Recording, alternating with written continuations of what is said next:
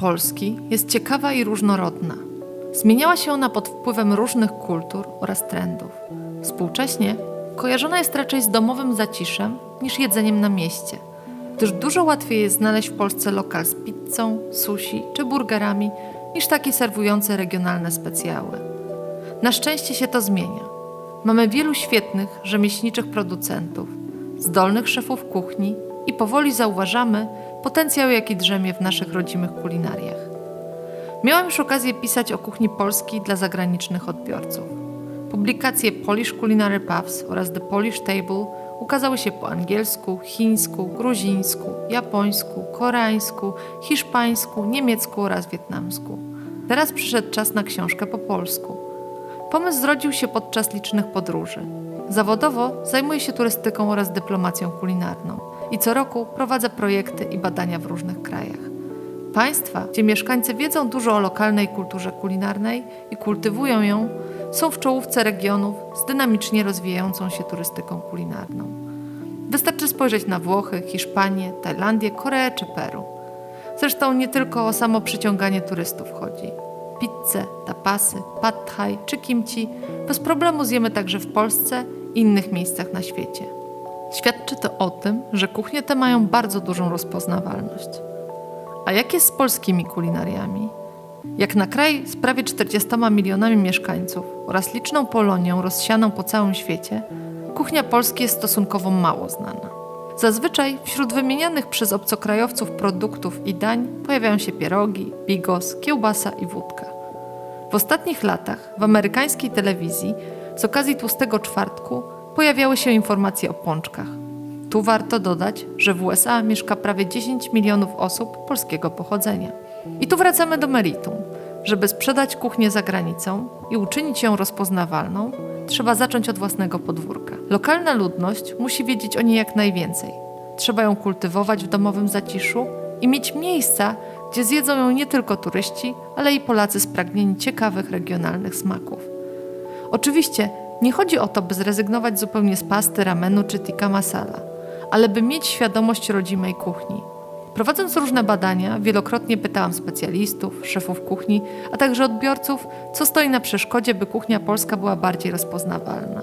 Zazwyczaj padały odpowiedzi takie jak brak odpowiedniej promocji, brak restauracji. Często respondenci mówili o tym, że niektóre dania takie jak bigos, nóżki czy czerninę trudno jest zaprezentować na talerzu w taki sposób, jakiego oczekują wychowani na Instagramie konsumenci. Brak spójnych działań propagujących kuchnię Polski jest dużym problemem. Warto zatem przypomnieć o ogromnym potencjale drzemiącym w kulinariach Polski. Przede wszystkim nasza kuchnia jest bardzo zróżnicowana. Znajdziemy w niej dania mięsne, rybne, a także wegetariańskie, w szczególności jeśli sięgniemy do regionalnych kuchni chłopskich.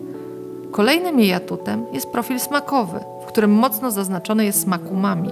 To ostatnio jeden z najbardziej pożądanych przez entuzjastów dobrego jedzenia smaków. Często w jego kontekście przywołuje się kuchnię Dalekiego Wschodu, ale przecież my na własnym podwórku mamy bogatą gamę dań i produktów z umami. Tradycyjny bigos, żurek, grzybowa, wędzone ryby to tylko kilka przykładów. Wiele dań idealnie wpisuje się w popularną kulturę street foodową. Chrupiące oldschoolowe zapiekanki, proziaki, pyzy czy inne kluski tylko czekają na swoją kolej, by stać się hitem sezonu.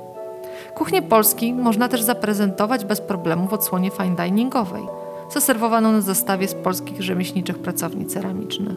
Kultura kulinarna bowiem to nie tylko jedzenie, ale też oprawa stołu, szkło, ceramika, lniane serwety czy sztućce. Można pójść jeszcze dalej i pobawić się w odkrywce dawnych smaków. Kulinarna rekonstrukcja historyczna cieszy się w ostatnich latach dużą popularnością. Płaskie, pachnące ogniskiem podpłomyki inspirowane kuchnią dawnych Słowian, barokowe, wyszukane dania rybne goszczące na stołach najznamienitszych sarmatów, czy bliższa współczesnym smakom kuchnia międzywojenna. Na pewno wprowadzą duże urozmaicenie, a także mogą być okazją do poznania lepiej kultury czasów, z których pochodzą. Projekt Tradycje Kulinarne Polski powstał po to, by przybliżyć kuchnię Polski i pokazać, jak wiele mamy do zaoferowania. Jest to bezpłatny e-book prezentujący kuchnię od czasów dawnych Słowian po współczesność. To także opowieść o kulturze kulinarnej, znaczeniu jedzenia świątecznego i jego roli w domowych obrzędach. Książka wzbogacona została anegdotami, legendami, powieściami oraz odniesieniami do literatury i sztuki. Znalazło się w niej miejsce dla kuchni sarmackiej, a także regionalnej. Uzupełnieniem całości jest rozdział o turystyce kulinarnej oraz 19 prostych przepisów na mniej znane dania z różnych części Polski. E-book można bezpłatnie pobrać ze strony Fundacji Bunkatura. Dzięki wsparciu partnerów publikacja ukazała się także w wersji drukowanej. Niewielka część nakładu trafiła do sprzedaży, zaś 1500 sztuk zostało przeznaczone do przekazania do bibliotek i instytucji kultury w małych miejscowościach. Ale projekt to nie tylko sama książka. To również spotkania, które odbędą się w różnych częściach kraju oraz podcast. Wszystkie informacje bieżące dotyczące tradycji kulinarnych Polski publikowane są na profilu Kuchniokracja na Facebooku oraz Instagramie. Podcast jest uzupełnieniem książki i poświęcony będzie smakom regionalnym. Znajdzie się w nim miejsce na omówienie kultur kulinarnych wraz z ich krótką historią. Wspólnie zajrzymy do garnków w różnych częściach Polski i wyciągniemy z nich najsmakowitsze kąski. Będzie wytrawnie i słodko, codziennie oraz odświętnie, ale na pewno nie nudno. Zachęcam też do przejrzenia starych książek kulinarnych, notatek babć, mam oraz cioć, bo właśnie tam ukrywa się kultura kulinarna. Słodkie smaki dzieciństwa, najlepsza szarlotka na świecie czy sałatka jarzynowa.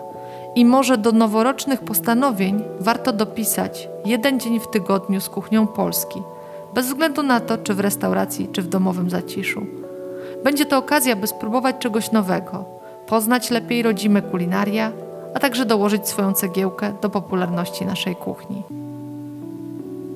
To był pierwszy odcinek podcastu Kuchniokracja Polska od kuchni. Kolejny poświęcony będzie kuchni ochweśnickiej. Więcej informacji o polskiej kulturze kulinarnej znajdziecie w mojej książce Tradycje kulinarne Polski. Dostępna jest ona w wersji drukowanej w dobrych księgarniach, a także w formie bezpłatnego e-booka, którego można pobrać ze strony Fundacji Bunkatura.